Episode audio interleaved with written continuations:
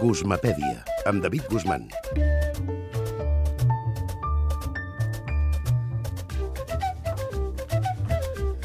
Hola, David, què tal, com anem?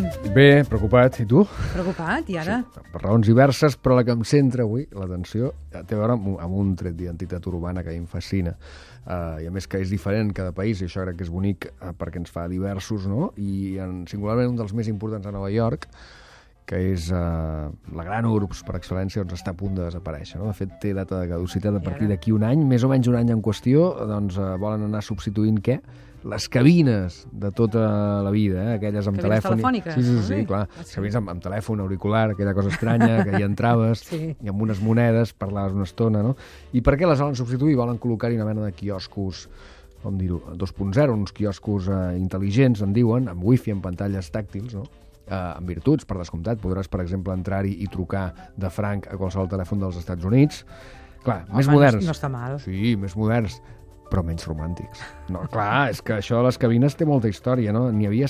Ara, ara en queden unes 6.400 cabines a Nova York, encara, que s'aniran jubilant a partir de l'any que ve. I, per exemple, quines conseqüències, i per aquí volia anar, quines conseqüències evidents, em sembla, tindrà la desaparició de les cabines? En el cas de Nova York, per exemple, farà inversemblant l'argument i la conversa de pel·lícules com aquesta. Sí, Ni se te ocurra alejarte de la cabina. se equivoca de número. En este instante te estoy apuntando. ¿Lo notas? ¿Es tú? ¿Me has llamado es tú? ¿Quién eres? Alguien que disfruta observándote. Tengo un 700 del calibre 30 con una mira telescópica táctica Hensholt. ¿Te refieres a un fusil? A esta distancia, el orificio de salida sería del tamaño de una mandarina. Es un farol. Solo hay un modo de saberlo. I continua, eh? la cosa és l'última L'última tru- trucada, l'última eh? trucada. Joel Schumacher, eh, amb Colin Farrell, amenaçat en aquella, no? a l'interior d'aquella cabina. Eh, clar, això què vol dir? Que transforma el cinema? Sí, però sobretot transforma la mentalitat del psycho killer, no? Que ja no seran els mateixos sense cabines, on tancar la gent per amenaçar-la de mort si, si en surten, Ja no? se n'inventaran una altra, eh? No pateixis gaire per això. Sí, perquè els quioscos tàctils. El problema és que no pots estar en contacte amb el teu eh, potencial assassí. Això el telèfon ho permetia i els telèfons tàctils em sembla que no. Un altre grans moments històrics que, que es perdran amb les cabines, i aquest em sap especialment greu, eh, singularment en el cas de Nova York, és aquesta capacitat que tenen les cabines de funcionar en un determinat, sobretot en situacions extremes, com en provadors.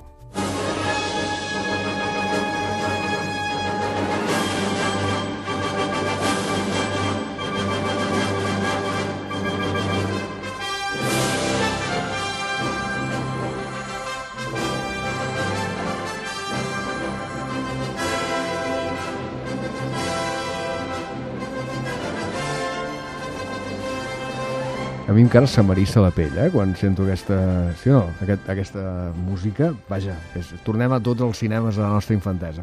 En tot cas, clar, la iconografia de Superman està tan lligada a les, a les cabines com a la kriptonita o com als taxis, que també es canviaven els taxis. No? Per això les cabines era fascinant. Quan trigava 5 segons a fer, a fer una volta... I això era, vaja, era Metròpolis en, en el còmic original i a la pel·lícula per descomptat, però era gravat a Nova York. No? Per tant, és una eh, pèrdua important. A Londres, en canvi, què passa? Doncs eh, allà són conscients de, del potencial simbòlic icònic, jo diria, de la iconografia, eh, la càrrega de les seves cabines i al marge, per exemple, d'incorporar-hi novetats tenen, en algunes cabines tenen uh, wifi incorporat, no? Eh, Pots entrar-hi i trucar per telèfon, que és la funció principal, però també tens uh, connexió uh, inalàmbrica, no? Doncs tenen una innovació també important que canvia cromàticament la ciutat, no sé si l'has vist, que uh, són unes cabines que en diuen Solar Box, cabines que han pensat, van pensar dos llicenciats a la London School of Economics, que et permeten carregar, gràcies a l'energia solar, és un projecte que et permet carregar el mòbil allà dins. No? I aleshores, què, què permet? Que convisquin a Londres les cabines vermelles de tota la vida, i que fan, eh, en fi, fan una ciutat, fins i tot són souvenirs, doncs eh, amb les cabines verdes d'aquestes Solar Box que, que estan eh, actualment encara en servei. No? Per tant, allà no se les carreguen, fins i tot n'incorporen de noves, encara que de tant en tant en pintin l'exterior. Clar, anem al cas hispànic, que és bastant particular, perquè eh, també té més una història, en aquest cas simbòlica, lligada a l'existència de les cabines. ¿Qué le pasa? ¿Que no puede salir? Eso será. Venga, hombre, empuje fuerte. Vamos, hombre, que se habrá encajado la puerta. Venga, Empuje un fuerte. poquito, un poquito. Vamos a Eh, tirar los dos. eh, Venga, ayude, ayude. Yo también tiro. Venga, los dos, ¿eh? A la vez, vamos. Ayuda usted arriba. Así, así. No t'esforcis que no pot sortir, eh? No pot sortir, triga molt i, no, i ve més gent i no pot sortir i encara més gent i no pot sortir i ve, és José Luis López Vázquez allà tancat durant 30 minuts en aquest mig metratge fantàstic d'Antoni Mercero, eh, de l'any 72, cabina. efectivament, la cabina, tancat en aquella cabina, en forma... Clar, és, és una paràbola, és un conte de Kafka, en el fons, no? Que va, ser, va tenir una lectura en el seu moment eh, política, sobretot, fi, franquisme, una lectura molt evident, però que més enllà d'aquesta crítica té eh, més una interpretació, ja és un conte gairebé de, de terror, més que de ciència ficció. Eh? I, de fet, va, va provocar una cosa bastant singular, eh, insisteixo en el cas peninsular, que és que molta gent, al principis dels 70, quan entraven a fer una trucada en una cabina no tancaven la porta del tot amb aquesta por estranya de quedar-s'hi tancats com José Luis López- Vázquez en aquella, en aquella història. I abans en feien servir molt les cabines, eh? No és com ara. Oh, i tant, que es feien 70, No totes les cases tenien telèfon. hi havia cues a les cabines, tots hem fet, no? Sí. I esperant que... A veure quan acaba allò. No, penja que és conferència. Bé, i a més eren cares. Uh, partint d'aquesta idea de Mercero, dels anys 70, hi ha un gir brillant que també recordaràs, l'any vu- 98, finals del segle XX, s'estrenava això. En 1998 llega la libertad al mundo del teléfono.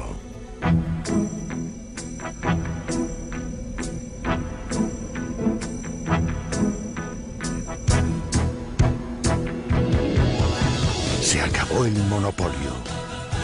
Ya puedes acceder al nuevo operador global de telecomunicaciones. Llama gratis al 015 e infórmate. Por fin, alguien te escucha. Retelevisión. Eh? Clar, eh, és a dir, el que van fer aquell anunci l'any 98, anunci premiadíssim i molt interessant, és acabar la pel·lícula Mercero. José Luis López Vázquez no surt mai d'aquella cabina, en el, en el cas de, en aquest cas, amb la càrrega simbòlica evident, eh, surt de la cabina, veu la llum, s'hi acaba el monopoli, efectivament, i doncs, entra en, altre, en joc una altra companyia. Hem de dir que això de l'any 98 aquí ha plogut una estona, han passat 16 anys pel cap baix i el monopoli efectivament s'ha acabat, però hi ha un oligopoli. Eh? No, no hem augmentat molt les companyies telefòniques i és bastant crític i provoca molts mals a caps i moltes angoixes canviar d'un lloc a l'altre. No parem les cabines, sisplau. T'has deixat una icona. A veure. Maxwell Smart baixant el seu carter general. És veritat, gràcies. Elisapèdia.